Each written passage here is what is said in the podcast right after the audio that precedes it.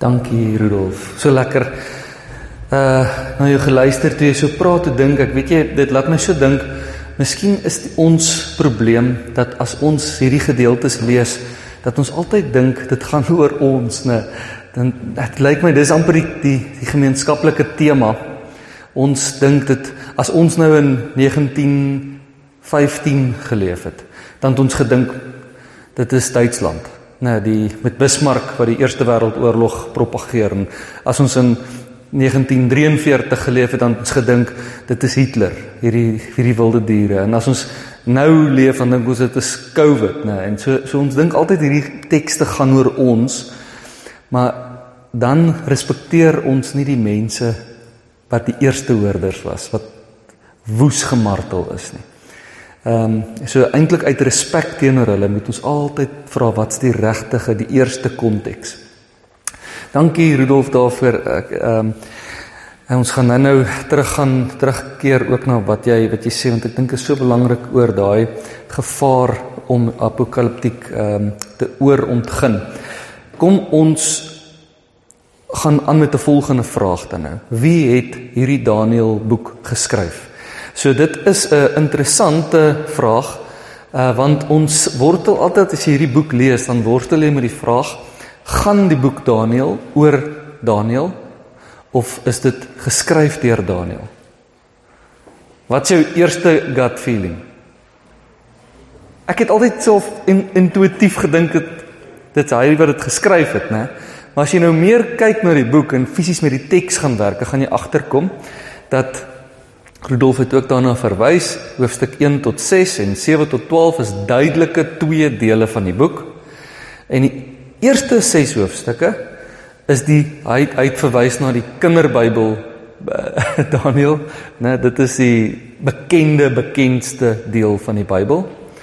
En dit is die gedeelte wat nie Daniël self geskryf het nie, maar wat geskryf is oor Daniël is merkers binne in die teks soos 'n derde persoons verteller uh, niemand verwys na hom of haarself in die derde persoon nie so dit is duidelik 'n redakteur wat geskryf het oor Daniël hulle. Is hoofsaaklik ook die wonderverhale van Daniël en sy drie vriende het sy 'n vuuroond of 'n leeukuil of so ietsie dis wonderverhale. En dan het hierdie eerste 6 hoofstukke het betrekking op Daniël se teenswoordige lewe. Maar die hoofstuk 7 tot 12 sê hulle die kontras is soos dag en nag. Dis waar, waar 6 tot 1 e, e, tot 6 die bekendste deel van die Bybel is. 7 tot 12 hierdie gedeelte wat Rudolf nou ons op voorberei het. Dit is die onbekendste deel in die hele Bybel. Ons kan nog waarskynlik ken gedeeltes soos Esegiel van die droë bene wat lewendig word en so aan uh gedeeltes van apokaliptiek, maar baie uh min van ons ken dalk die die visioen wat hy gehad het in hoofstuk 8 of in hoofstuk 7, nê, van die vier diere of van die bokram met die twee horings en die ander ene wat net een horing het en hom kom doodstamp en so aan. So dis die onbekendste deel. En daai gedeelte is wel geskryf deur deur Daniël. Dis 'n eerste persoons verteller wat aan die woord is en daar is dit nie verhale oor wat hom oorgekom het nie, maar dis visioene. En uh, dit het alles betrekking op Daniël se toekoms. Nou ons gaan nou-nou 'n bietjie praat oor die geskiedenis, die die die wêreldplatform wat gebeur het en ek dink my gut feeling vanaand is as jy hier kan wegstap en jy te greep op die geskiedenis wat afgespeel het. Dan gaan jy Daniël baie groter kan waardeer en en verstaan uh ook. Ehm um, miskien is ons onbeholpenheid met Daniël omdat ons nie bekend is met die geskiedenis nie. So ons ek wil so 'n bietjie tyd nou-nou spandeer op wat het in die op die wêreldtoneel gespeel afgespeel. 'n Ander interessante ding van hierdie boek Daniël wat hom ook nogal ons kop laat krap, is hy word in twee tale geskryf. Dis 'n baie goeie argument Rudolf as iemand ons ooit weer sê dat ons nie ons taal moet mix nie. Ons het 'n voorbeeld in die Bybel. O, ekskuus, jammer. 'n Voorbeeld in die Bybel van waar iemand dit doen. Die eerste hoofstuk is in Hebreëus, die tweede gedeelte is in Aramees, Aramees in in in hoofstuk 7 tot 12 is daar net weer een hoofstuk in Aramees en dan is daar weer ehm um, die die res van die gedeelte is Hebreë. So dis presies soos 'n spieelbeeld van mekaar. Nou kom ons sê gou oor Aramees. Dit was 'n ander wêreldtaal. Dit kom ons sê dit was so goed soos Engels geweest. Grieks is mos die taal van die Nuwe Testament, Hebreëus is die taal van die Ou Testament. Maar Aramees het hierso so omtrent 1100 voor Christus op die toneel gekom. Ehm um, dit was gepraat deur baie van die Assiriese Assirië se state en toe hulle 'n klomp mense wegvoer in ballingskap in van die ou bekende wêreld onder andere Israel ook het hierdie hierdie taal as 'n um, ehm, uh, Aramees versprei soos 'n veldbrand. En toe die volgende wêreldmoondheid op die toneel kom, die Babilonië, toe gebruik hulle handelaars ook Aramees en toe die volgende wêreldmoondheid op die toneel kom, die Perse, toe het hulle dit aangeneem as hulle amptelike voertaal.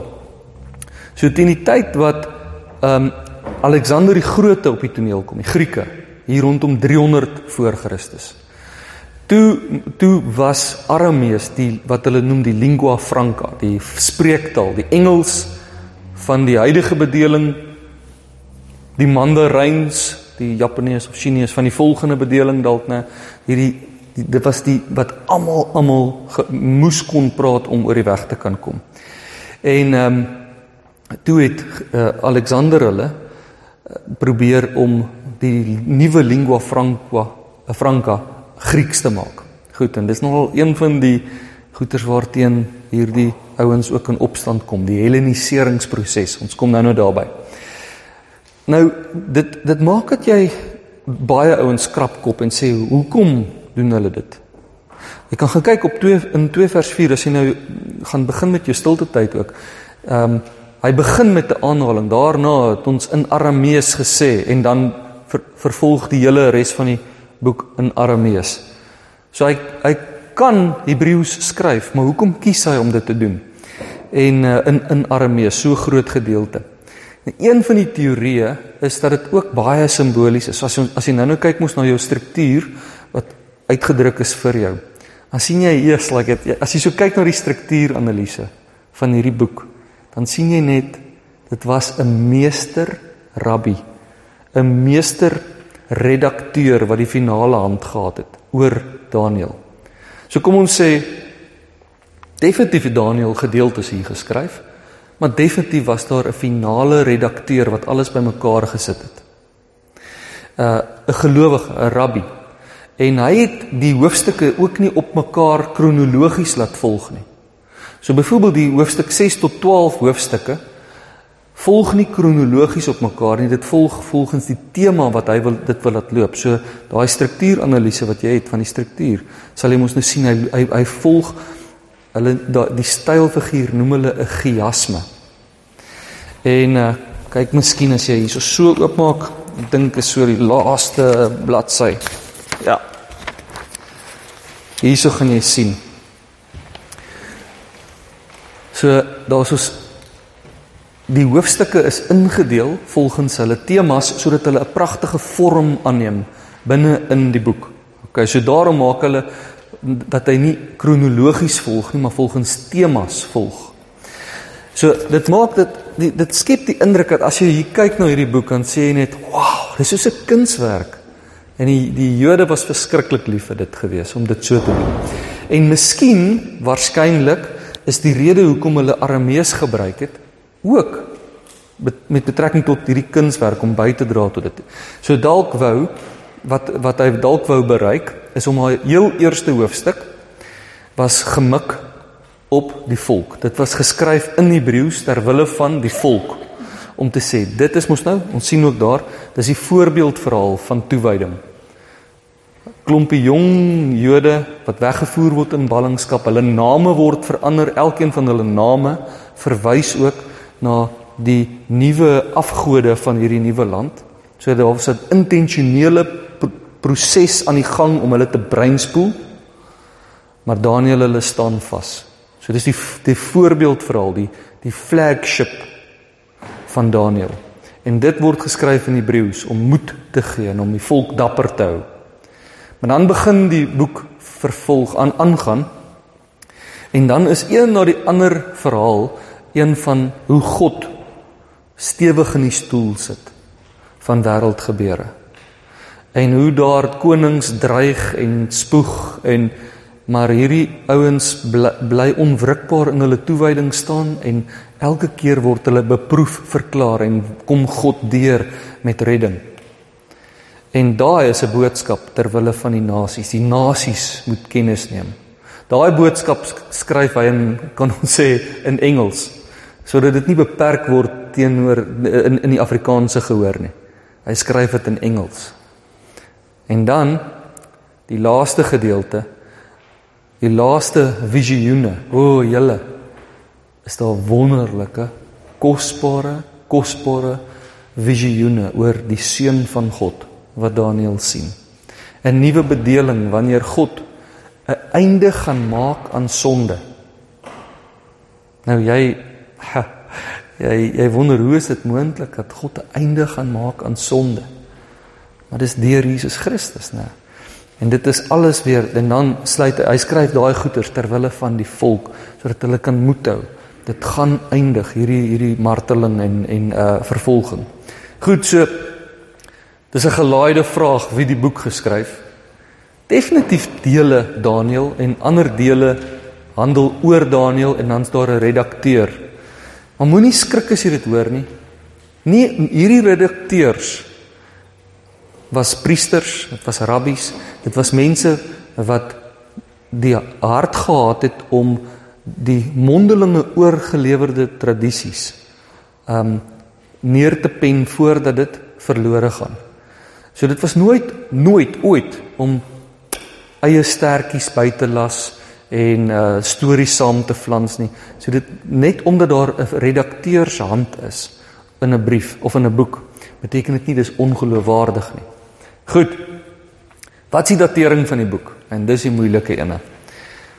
As jy nie verlede week hier was nie, dan wil ek jou gou deur wat deur hierdie tydlyn. Ek gaan dit baie vinnig doen. Uh so ek gaan nie weer op alles ingaan nie, maar ek dink is buitendien goed vir elkeen van ons. As jy ooit voel met al hierdie name binne die Bybel is vir so moeilik om hulle uitmekaar te haal. Daar's 'n maklike datum aan die einde met Jesus se kruisiging en dan sit jy met die aardsvader verhale wat voorgeskiedenis is. Hulle dis hulle noem dit prehistory, né? So die datum waarmee jy altyd begin, onthou jy dit dalk? Dawid en dis 1000 voor Christus. Dis die maklike ene. En dan weet jy alles, en dit is so maklik om alles daarna te plot. Direk na Dawid was dit mos sy seun Salomo, die slimste man of tweede slimste naas naas my en ja. En dan het Salomo mos 'n seun gehad en daai seun wou nie geluister het na die raad van die van die elders nie. En toe hef hy uh, belasting in die ryk skeur. En toe in 'n noordryk en 'n suiderryk en in 722 die noordryk val toe onder die Assiriërs. So die Assiriërs gooi. Gooi asseblief. Daai val van die ryk beteken die noordryk het verdwyn. Ja, hulle is dan weggevoer. Het. Hulle het teruggekom toe Kores wat 'n pers was. Die uh, kom ons gaan een tree terug. So die Assiriërs voer die volk weg. Dis 'n verskriklike belangrike vraag want dit het betrekking ook op vanaand. Die Assiriërs is die eerste wêreldmoondheid wat die volk wegvoer. Nou kom maar 'n volgende wêreldmoondheid op die toneel. Die Babiloniërs. En die Babiloniërs palm die Assiriërs se grondgebied in. So nou word hulle grondgebied nog groter. Net toe die Babiloniërs dink life is good, toe kom maar die Perse op die toneel.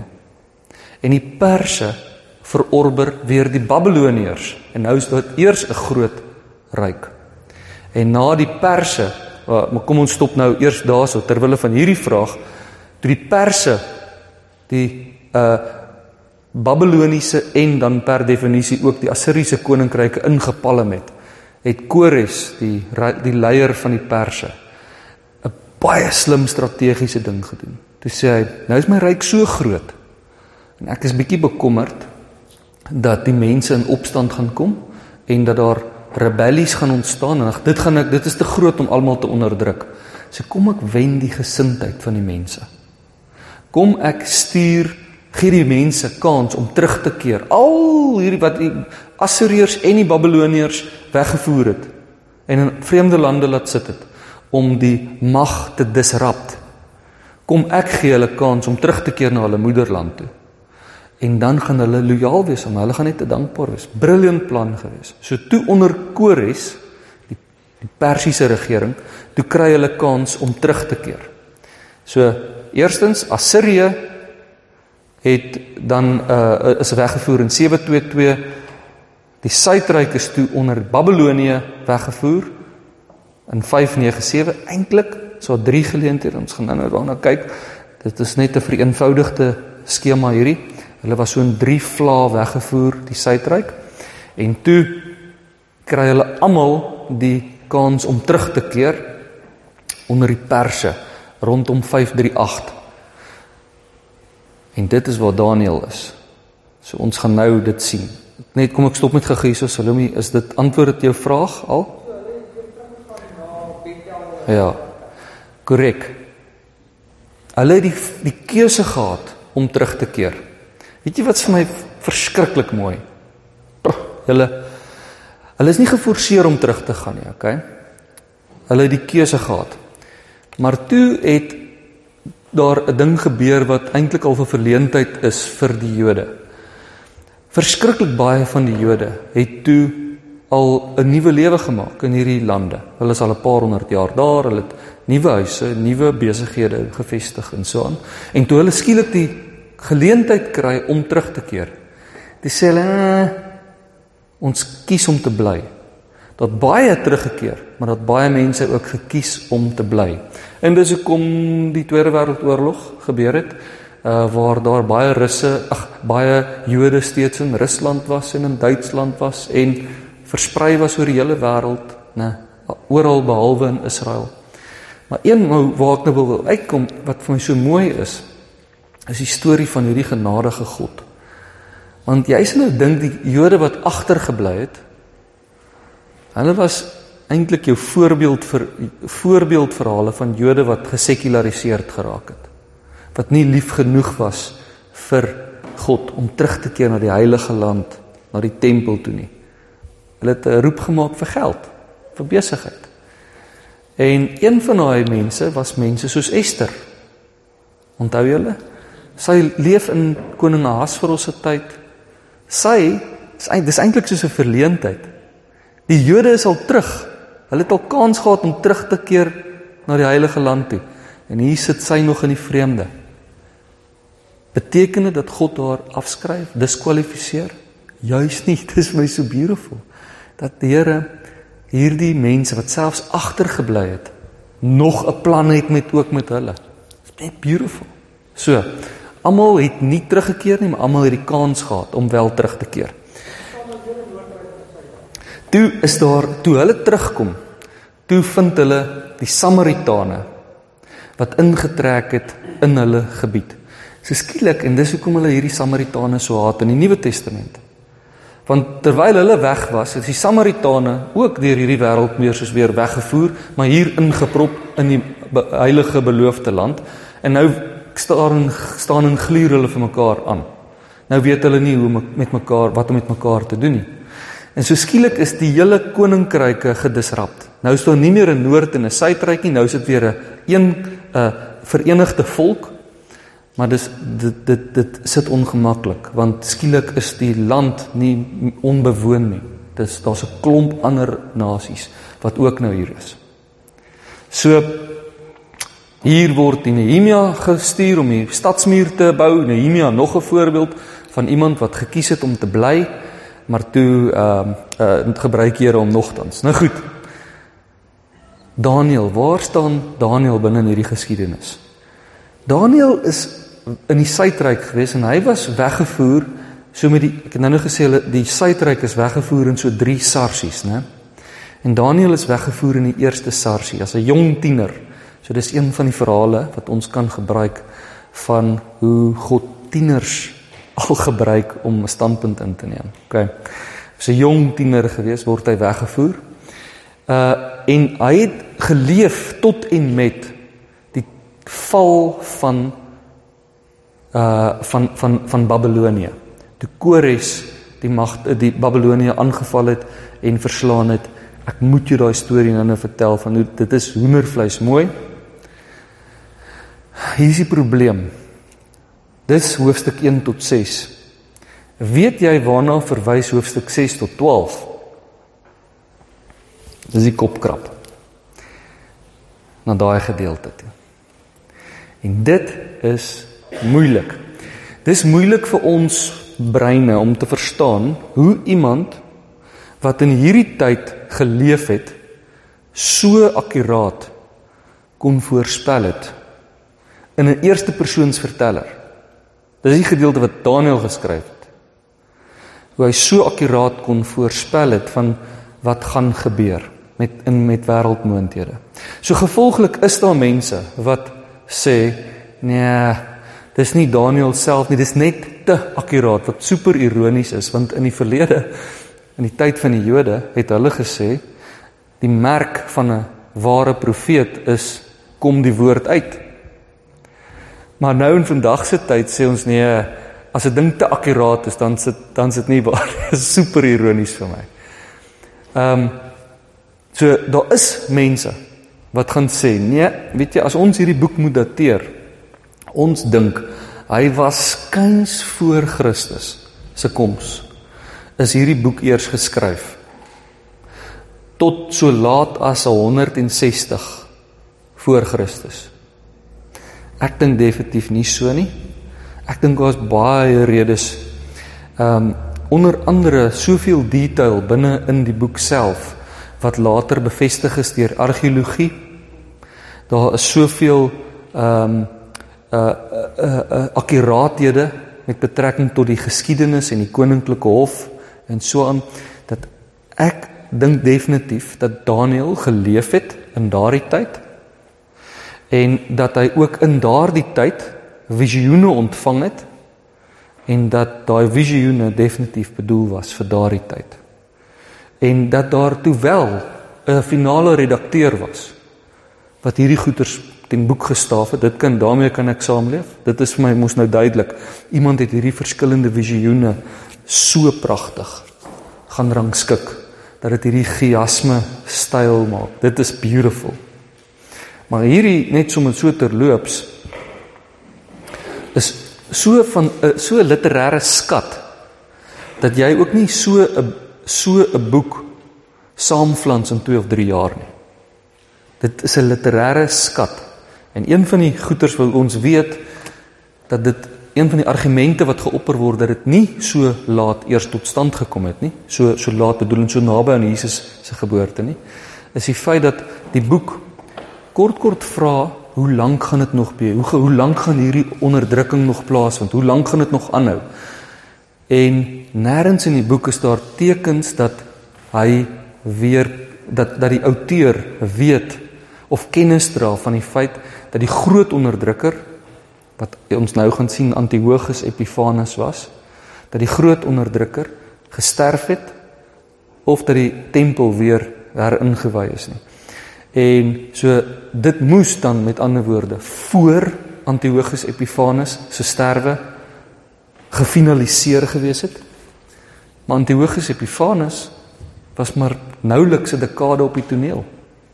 So 'n goeie argument net om te sê ek dink daar het hy geleef en ons goeie akademici wat saam met dit wat daai standpunt huldig en daai en ek glo in daardie tyd is daar waarlik die visioene geontvang. Ehm um, en later wanneer presies dit geredakteer ge, ge, is in 'n finale vorm, dit weet ek nie. Maar ehm um, dit dat dit 'n pragtige stuk werk is wat dan toe nou vir ons vir ewig is. Kom ons gaan aan om nou 'n bietjie dieper in te zoom. En hierdie gaan nou vir jou die die die die greep gee op die geskiedenis. Ek glo as jy hierdie skuifie nou gaan verstaan, dan gaan jy 'n greep hê op Daniël. Kyk 'n bietjie ook na die tweede bladsy, tweede laaste bladsy van jou uitdeelstuk, né?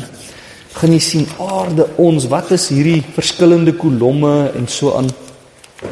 Daniël gaan jy nie kan verstaan. Jy gaan net net nie kan verstaan as jy nie besef dat hier verskillende wêreldmoonthede aan die uitspeel is nie. So hierdie ene, hierdie tabel is as jy nou regtig wil tyd spandeer en diep ingaan in die in die boek in. Nou kan jy nou jou nou gaan besig hou met daai datums. Die datums is bedoel sodat jy kan sien ook met watter hoofstukke dit ooreenstem. Julle dis miskien is dit lyk dit vir jou vervelig, maar dit is wonderlik om jou daarmee besig te hou want dit wys uh, jy jy gaan jy gaan sien dat die goeters historiese gronde het en dit is een van die redes hoekom ons kan sê hierdie boek het wat ons noem the ring of truth, the ring of truth. Hy is ingebed in 'n baie uh, spesifieke historiese uh konteks. So kom ons vat. Ons het mos nou hier gesien 597 is die Jode weggevoer. Maar ek het gesê daar was 3 vlae van dit. So kom ons begin by daai 597 toe die Suidryk weggevoer is. Net so 'n paar jaar voor dit het daar 'n Babiloniër op die toneel gekom en dit was so in 604 voor Christus. En ons ken hom as Nebukadneser. Maar hierdie Nebukadneser se ander naam was Nabopolassar, Nabopolassar. Nebukadneser nommer 1. So in hierdie tabel sien jy hy is Nebukadneser nommer 1. Mind you, dis een van die goeters hoekom dit belangrik is om hierdie tabel bietjie te bestudeer. Want jy gaan nie agter jy kan jy gaan nader aan jou kop krap en jy dink, hoe kort is Nebukadneser se geheue? Soos die een oomblik dan gooi hy hulle in die leeukuil en dan kom hy tot geloof en dan gooi hy hulle weer in die vuur en dan moet hy weer tot geloof kom. Dan hoofstuk 4 matig hy homself so aan en gaan moet hy heeltemal kranksinnig word tussen die diere gaan leef vir 7 jaar en dan kom hy weer tot bekering is alles verskillende Nebukadnesers. OK en dis soos kom hierdie vir my nogal help en nou kom ek dit graag met jou wil deel. So die eerste Nebukadneser. Nebukadneser 1, sy ander naam was Nabopolassar. En hy was die groot man, die groot heerser wat die mag van Egipte van Babilonie afgegooi het en so aan. En toe begin hy hierdie wêreldmoondheid word wat een ryk na die ander ryk inpalm. Onder andere ook Juda die suidryk. En in Juda in 606 voor Christus voer hy die eerste keer 'n klomp Jode weg waarvan Daniël die eerste uh, die waarvan Daniël deel maak. Toe in 597 'n tweede vlaag en toe in 586 finaal val Jerusalem. Ehm um, bly daar niks oor nie. Nou so Daniël is toe met ander woorde in Babel onder Nabopolassar of Nebukadneser 1. Maar Nebukadneser word toe uh in triple 5 opgevolg deur uh Nabonidus wat koning is in Babel. Nou jy sal sien daar's 'n hele paar ander konings en dis een van die kritiek op Daniël dat hy hulle uitlaat. En hoekom hulle sê ja, dis nie regtig deur Daniël geskryf nie, maar intussen het ons al baie geleer oor geslagsregisters. En as ons byvoorbeeld geslagsregisters nou in die Bybel kry en hulle het nie elke geslag gelys nie, dan sê jy nie ja, die geslagsregister is nou use nie. Daar's altyd jy, jy lig sekere generasies uit en seker is nie. So dit maak nie saak dat dat Dawid agter Daniël nie vir ons vertel van Amel Marduk of Nergalassar of Labish Marduk of so nie. Dis nie waaroor die verhaal nou gaan nie. Sy volgende verhaal wat hy vir ons van vertel is die van Nabonidus. En dan terwyl Nabonidus 'n heerser is in Babel, weet julle wat gebeur in op 'n ander plek in die wêreld? Op 'n ander plek in die wêreld onwetend aan Babel en aan Nabonidus Rondom 550 is daar 'n jong ou Kores wat 'n Persier is en hy wen Media. Die Mediërs, die Mediërs of die Mediese se ryk. Nou die Mediërs was 'n buurstaat van Babilonië. en terwyl Babelonie nog onder Nabonidus uh wat koning is, hulle be besig mee hou met hulle eie sake, let hulle nie op dat daar hier uit 'n uh, onwaarskynlike oord uit Kores kom wat hulle buurland verower nie. Kores is 'n pers. Hulle buurland is Media. Saam vorm dit toe Medo-Persië.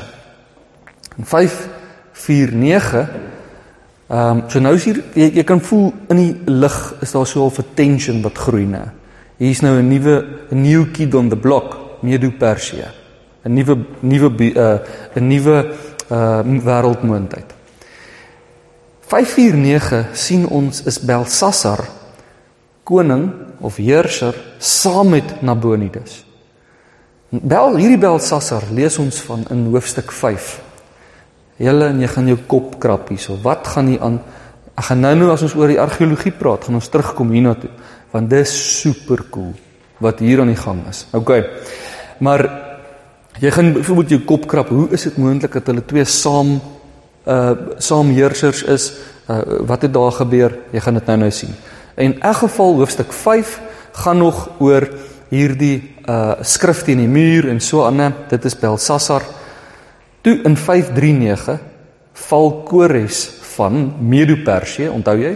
Kores was mos eintlik 'n Pers, maar hy het toe Medië oorwin, toe vorm hulle 'n nuwe wêreldmoondheid, Medi Medo-Persië en nou is hy lekker groot al. Nou kan hy al kan sien vir Babelonie wat tot op hierdie stadium die grootste wêreldmoondheid is.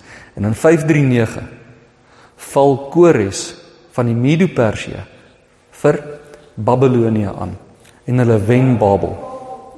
Ekskuus tog? Ek sit dit in want ons wil spog met hoe die argeologie met soveel eksaktheid vir ons kan sê watter aand dit gebeur het. Ek gaan julle nou daai storie vertel. En julle gaan net sê die Bybel is ongelooflik. Ongelooflik. Goed. Toe Kores nou die nuwe kid on the block is, né? Nee, nou is Kores van Medo-Persië. Nou het hy Babel ingepalm sonder dat sonder dat Kores dit raak sien. Is hier 'n ander Makateus wat op die toneel kom. 'n Jong ou, 20 jaar oud, geswat onder Aristoteles, nie 'n bang haar op sy kop nie, en is Alexander die Grote. En Alexander die Grote verower Medo-Persië en skielik verander die hele landskap. So nou het Medo-Persië wat nou natuurlik Babel mos nou ook insluit. Is dit verower deur Alexander die Grote en hy die tot tot op hede elke keer as daar 'n wêreldmoondheid op die toneel kom en dink jy nou is ons groot. Maar dan kom daar 'n nuwe wêreldmoondheid en dan pal hulle met die vorige ene in en dan word hulle mos nou nog groter en nog groter. En Alexander die Groot op hierdie stadium is die grootste wêreldmoondheid wat gevorm word tot op hede. Hy palm die hele bekende antieke Midde-Ooste in wat wat wat wat vir ons bekend was op daai stadium. Palm hy in. Man en so vinnig as wat hy op die toneel gekom het. So vinnig verdwyn hy.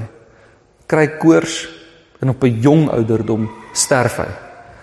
Nog 'n een aand 'n dronkmanspartytjie gehad saam met sy generaals en toe tel hy koers op moontlik is hy vergiftig. En uh en hy het net nie weer uit die koors beswyming uit wakker geword nie. Maar wat hy toe doen, toe hy sien dis nou tickets. Toe gaan hy en hy sê, "Shucks, jy weet, hy het nog nie eers hy het hy het 'n vrou wat swanger is, maar hy het nog nie eers kinders aan wie hy hierdie ryk kan bemaak nie. So wie erf nou hierdie ryk. So hy hy bemaak toe sy ryk aan sy vier beste generaals. Nou goed, julle dit raak belangrik want binne in die boek Daniël lees ons 'n paar keer van 'n dier met vier horings. So die Griekse ryk, hierdie volledige wêreldmoondheid word nou verdeel in vier dele. Dit is op daai tabel dis nie regtig belangrik dat jy moet onthou wat was die vier ryke nie. Miskien is die belangrikste om te onthou dat een van die ryke was die Seleukide En die groot kalprit oor wie die boek Daniël gaan is toe 'n heerser wat later uit die Seleukidiese ryk uitkom. En sy naam was Antiochus Epiphanes. Antiochus Epiphanes was 'n vark gewees. Ons het laas gepraat oor hoe Nero Christene aan die brand gesteek het vir sy partytjies, né? Vir hulle gesê het: "Smeer julle met pik, steek hulle aan die brand. Julle wil mos die lig vir die wêreld wees, wees die lig vir my partytjies." Dit was die Nuwe Testament. So 'n figuur het ons in die Ou Testament en dit is Antiochus Epiphanes. Antiochus Epiphanes byvoorbeeld in 169 voor Christus het hy die tempel skatte gestroop. So hy kom net in en hy vat alles al die alles wat waardevol is in die tempel om sy eie oorlog oorloë te finansier, maar dit was nog niks nie. Die, dit was dit het die Jode kwaad gemaak. Maar dit het die Jode gebreek toe hy in 168 kom en die tempel uh ontheilig. Wat gebeur het in 'n neutedop die Jode ehm um, kom kom ek sny daai deel van die storie uit kom ek sê Antiochus Epiphanes kom in Jerusalem in vermoor 40000 mense in Jerusalem. Kyk hierdie is nie mm, dis ander dis geskiedenis okay, wat jy op enige plek kan gaan lees. Dis nie Bybelgeskiedenis of so wat jy dink ag, miskien moet ons met 'n knippie sout vat nie. Dis geskiedenis. Antiochus Epiphanes kom in Jerusalem in en hy vermoor 40000 Jode. Hy gaan na die tempel toe en hy gaan rig 'n standbeeld op van Zeus net om die Jode te tart binne in die tempel, binne in die allerheiligste. Gaan rig hy 'n afgodsbeeld op. Toe gaan hy waar die offers gebring word, né? Toe gaan hy en hy gaan bou 'n ander altaar bo oor daai altaar om te sê hierdie altaar wen oor die Jode se altaar en hy gaan offer varke binne of op bo op hierdie altaar binne in die heiligdom want hy weet die Jode beskou dit as 'n onrein dier. So die Jode se harte bloei asof dit nie genoeg is nie. Gaan Antiochus Epiphanes vat Joodse meisies wat swanger is, sny hulle oop binne in die tempel, laat hulle doodbloei saam met hulle kinders. Vir ontvoer toe duisende ander Jode as slawe. Dit is tragies, tragies, tragies, tragies en dit het hierdie volk se se moraal gebreek om hierdie om deur hierdie nag te gaan. Gaan Antiochus Epiphanes verder en hy sê van nou af mag niemand van julle meer die Sabbat vier nie. Niemand van julle mag meer Bybel lees nie, die Tanakh wat ons verlede week gedoen het. Niemand van dit word verbied. Uh julle mag ook nie meer julle kinders besny nie, julle mag nie feesdae vier nie. En van nou af sien julle hierdie beeld van Zeus wat ons in die tempel opgerig het. Van nou af aanbid julle hom. Hy was eintlik nog altyd julle Here wat ons julle in die Bybel van gelees het in die Tanakh. Hy is eintlik altyd nog Zeus. So wat hy doen is hy helleniseer die Judaïsme, die die Joodse kultuur. Hy wil hê die Jode moet 'n klomp proper Grieke word. So hy verbied hulle om hulle taal te gebruik en te geniet. Hy laat hulle net Grieks praat en dis hierdie helleniseringsproses waarteen die Jode in opstand kom. Maar die seerste het gemaak dit wat hy met die tempel gedoen het en met die mense gedoen het. So gevolglik intussen gelukkig Gelukkig, hier is 'n stukkie goeie nuus. Is daar 'n nuwe kit aan die blok? 'n Volgende wêreldmoondheid aan die opkom, naamlik die Romeinse ryk. Hulle is nog nie 'n groot ryk nie, maar hulle is aan die opkom. En julle weet wat se uiteinde van hulle. Hulle was toe op die ou einde selfs groter as die Grieke, né?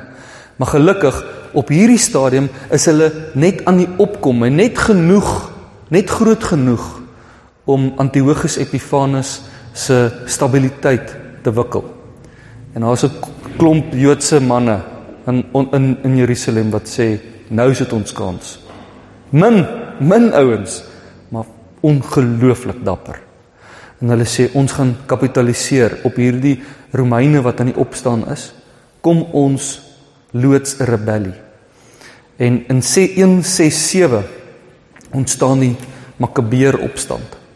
En 'n handjievol Joodse mans uh gooi die uh die die Griekse ryk van uh, Antiochus Epiphanes omver in Jerusalem tot so mate dat in 164 voor Christus kry hulle beheer oor Jerusalem terug en kry hulle dat dit reg om die tempel weer herin te wy en te wy aan Jahwe.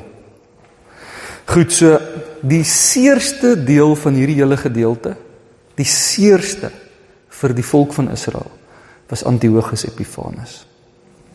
Dit het hulle baie intens seer gemaak. Dit wat hy met die tempel gedoen het, dit wat hy met hulle mense gedoen het.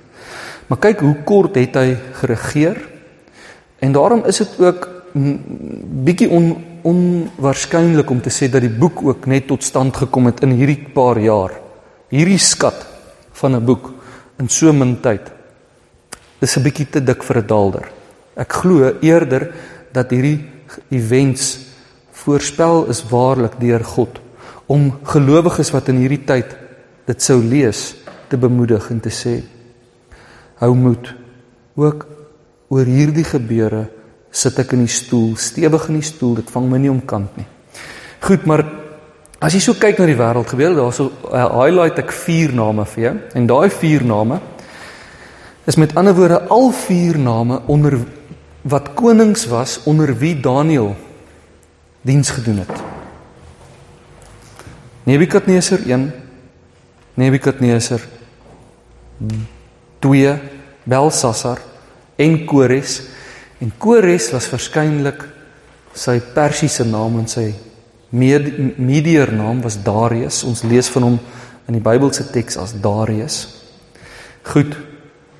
Nou nou gaan ons terugkom na daai twee wat gelyklopend geheers het. Jy onthou van hulle, né? Nabonidus en sy seun Belsasar. Nou nou kom ons terug na dit. Kom ons vra vir wie se boek primêr geskryf Dis hierdie mense wat in hierdie haglike omstandighede geleef het. Ek gaan aanstoot wat se konteks van die boek. Ons het gepraat oor die struktuur van die boek. Ek gaan eerder aansit aan ans aanskuif. Hierdie een het ek ongelukkig ek het vergeet om dit in die notas te sit. Maar ek dink dit is dalk 'n lekker sleutel as jy tog die boek wil of die visioene wil verstaan. In Daniël 2 sien Nebukadneser mos nou 'n uh, droom. En hy, hy sien die van 'n van 'n beeld waarvan die kop van goud is, die bors en arms silwer is, die maag en heupe van koper, die bene van yster, die voete is yster en klei. En dan kom maar 'n klein rots van nêrens af, 'n klippie. En hy slaan die beeld se voete en die hele beeld spat in mekaar.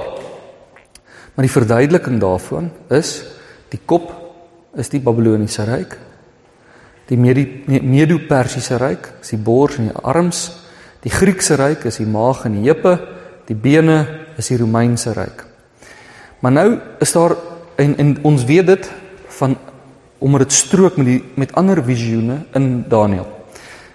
Ehm um, in Daniël 7 sien ons byvoorbeeld noem hy van 'n dier wat uit die see uitkom en Rudolf het nou nou daarna verwys die see wat hierdie onheilsmagte is en hierdie eerste dier wat uitkom is 'n leeu met vlerke maak 'n mental note 'n leeu met vlerke, 'n leeu met vlerke.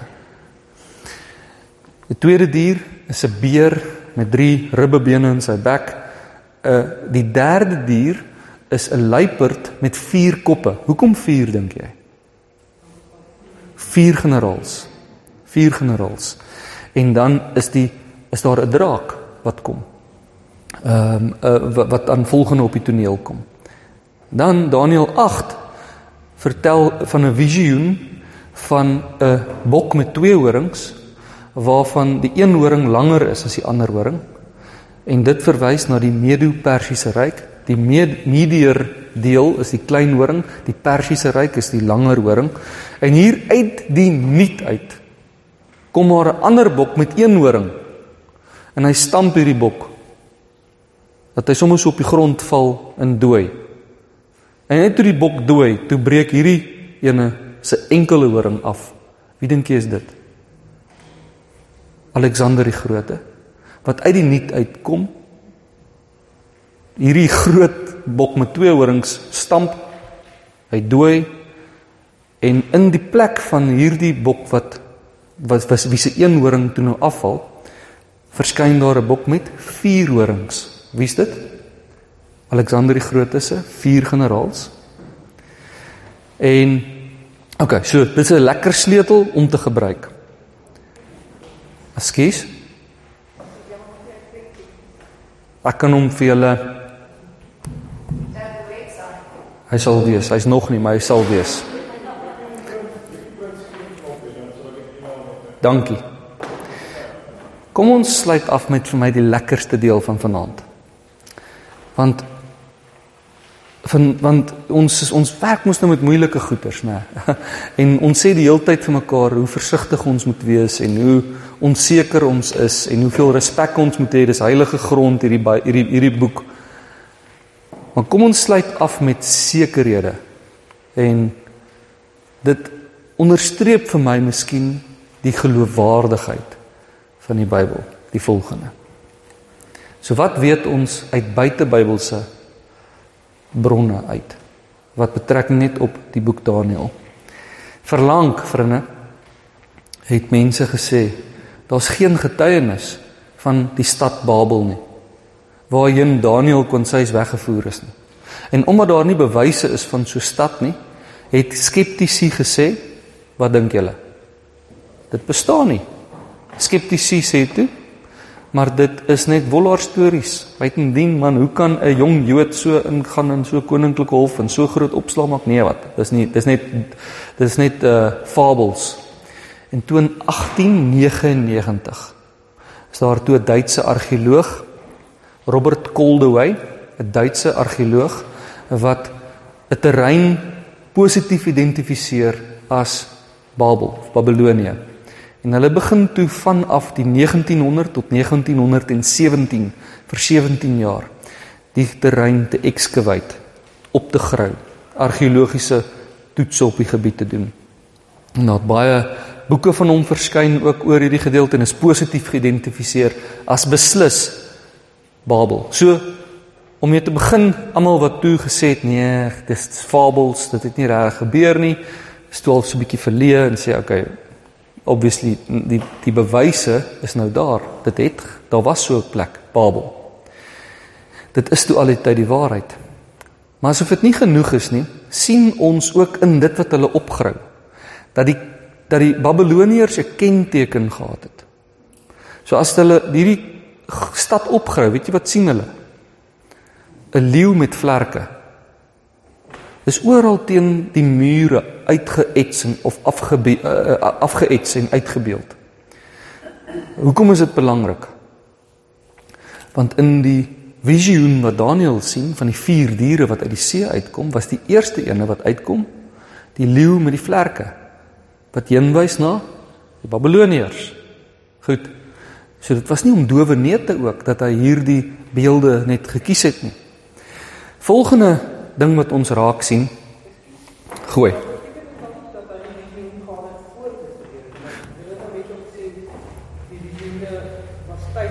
Ja. Ja. So ehm um, ek dink jy hoor my reg. Ehm um, uh, Rudolf het nou nog gepraat van kodetaal. Né. Nee. So toe Daniel die visioen gesê het, ek ek weet nie wat nie, maar ek sien 'n uh, leeu met vlerke. Toe weet almal, okay, maar dis 'n kodetaal, dis die Babiloniërs. So hy het dit hy het dit alreeds gehad binne in die tyd van ba van Babel, binne in die tyd wat hierdie afbeeldings op die mure aangebring is. Dit was waarop hulle trots was. Dis hulle kenteken. Maar vir ons was dit onbekend want dit van die skodetaal. Die Ander ding wat ons in die boek laat kopkrap. Ons het nou nou daarna verwys, maar dis hierdie verskillende Nebukadnesers, né? En as jy nie nou weet van die een is Nabopolassar nie en die ander een is Nabonidus nie, dan gaan jy dink maar Jesus, maar hierdie ou kom verskriklik baie tot bekering en dan vergeet hy weer van die Here in. Maar dan kom jy nou agter ou kan jy wag. Dis verskillende ouens hierdie.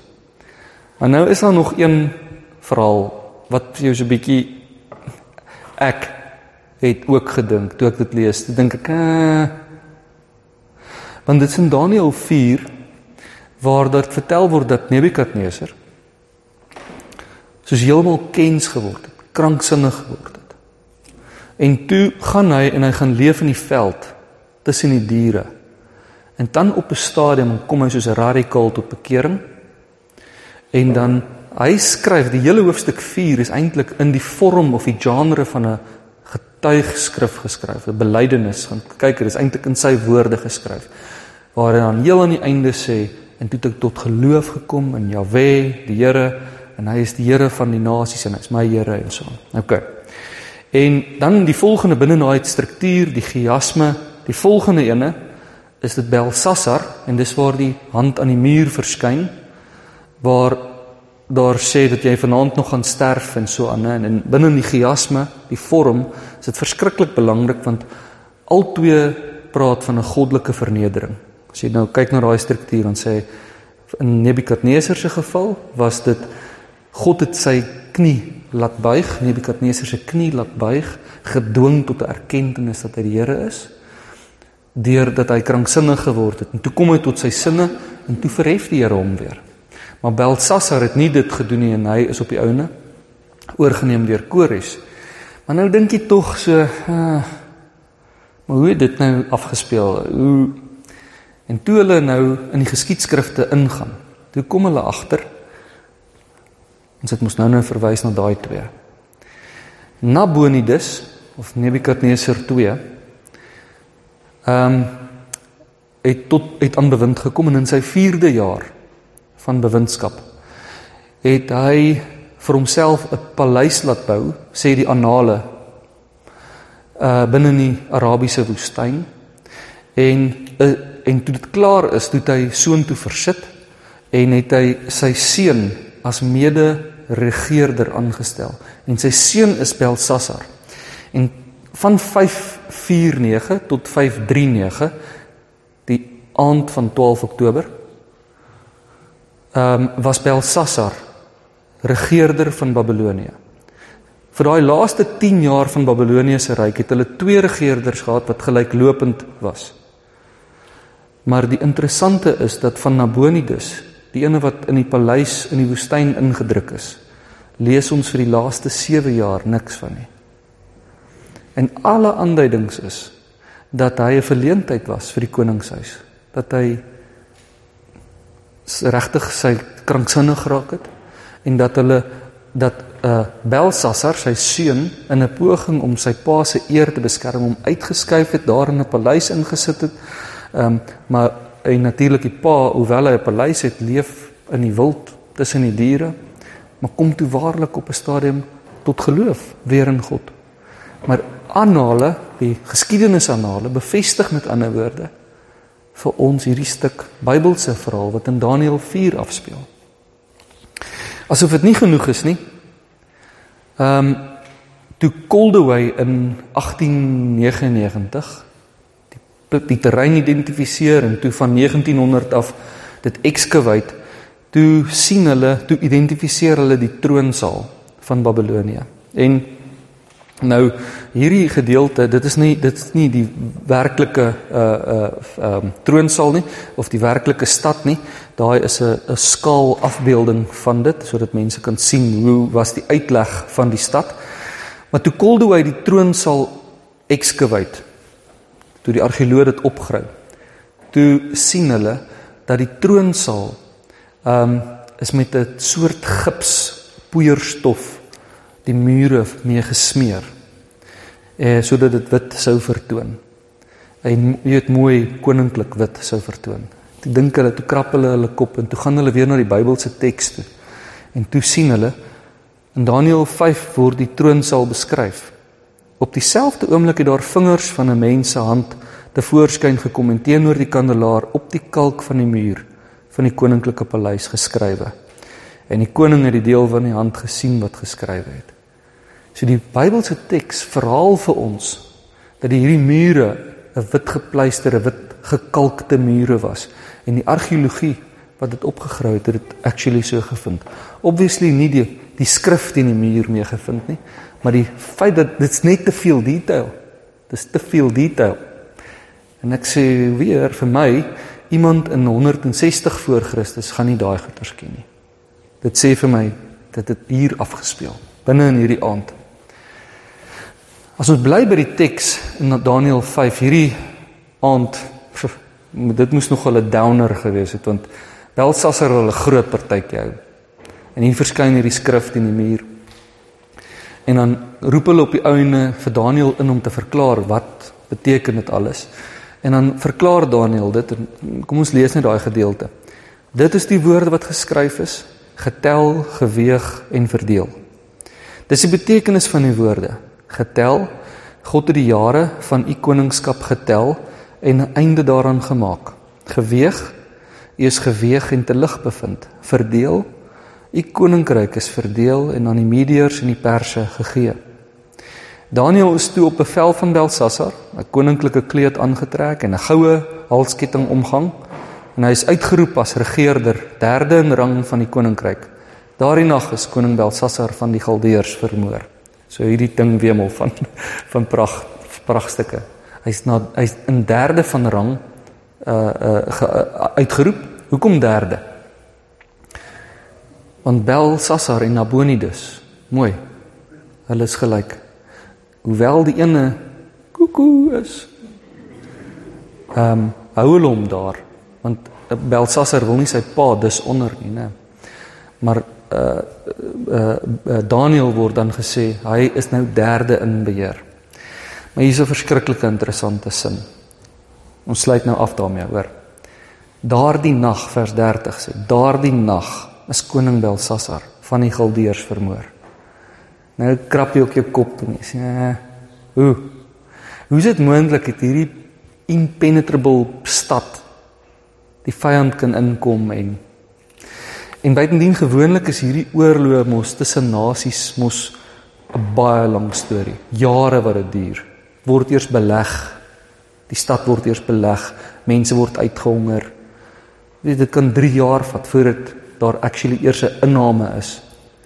Hoekom hierdie nag nog. En die probleem is met hierdie goeters omdat dit mos nou jy weet mos nou hoe werk profesie ook vir dit om waar te wees moet dit waar uitkom. Nou andersins is Daniël nie eg nie.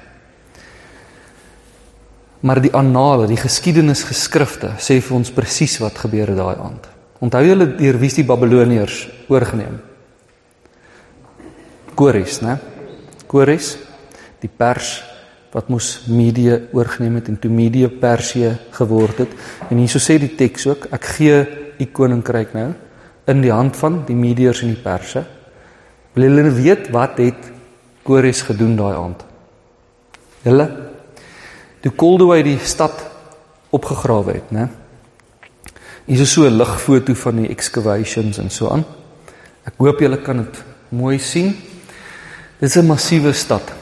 Die omtrek van die mure is omtrent 17-18 km lank. Soos 'n dis 'n massiewe stad. Op party plekke is die mure self 22 meter dik. So dit is net top. Dis die wêreldmoondheid van daai tyd. Dis impenetrable. Dit is net 'n beleg sou jare vat om alles te kroon word die stad nog verder versterk deur gragte water wat rondom die stad is. Maar hierdie stad het een groot probleem gehad. Swak plek in die ketting. En dit is dat die Eufraatrivier loop in die middel van die stad deur. sien jy dit? So wat Kores toe gedoen het. Kores was eh, was 'n slim man geweest. Was nie sy eerste fight geweest nie. Kores vat 'n paar van die soldate En Kores gaan na aan die bokant van die rivier toe, van die Eufraatrivier. En hulle dam die rivier op. So dis wat die geskiedenisgeskrifte vir ons sê wat daai aand gebeur het. Hulle dam die rivier op. Na 'n paar uur begin die watervlak so te sak sak sak sak sak en weg te sypel dat daar niks meer oor is nie. En toe gaan hy en sy manne in die modderige rivier loop, loop tot in die stad in wen die stad in een aand sonder weerstand. Daar was nie eers 'n fight nie. Weet julle hoekom was daar nie 'n fight nie? Die mense was dronk gewees. Die geskiedenisanale sê vir ons dit lyk asof daai aand daar 'n reuse partytjie was. Want nou was. Om die waarheid te sê, dit sê eerder vir ons hoekom Belsasar in Daniël 5 die partytjie gehou het. Hy het waarskynlik gesien dis wat die vyand besig is om te doen. Hulle gaan die stad inneem deur die water op te op uh, te laat opdam, weg te laat vloei. So let us be merry because tomorrow we die.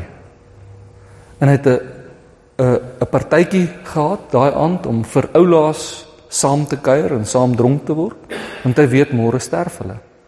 Hulle oorgegee in daai aand verskyn die hand die skrif teen die muur.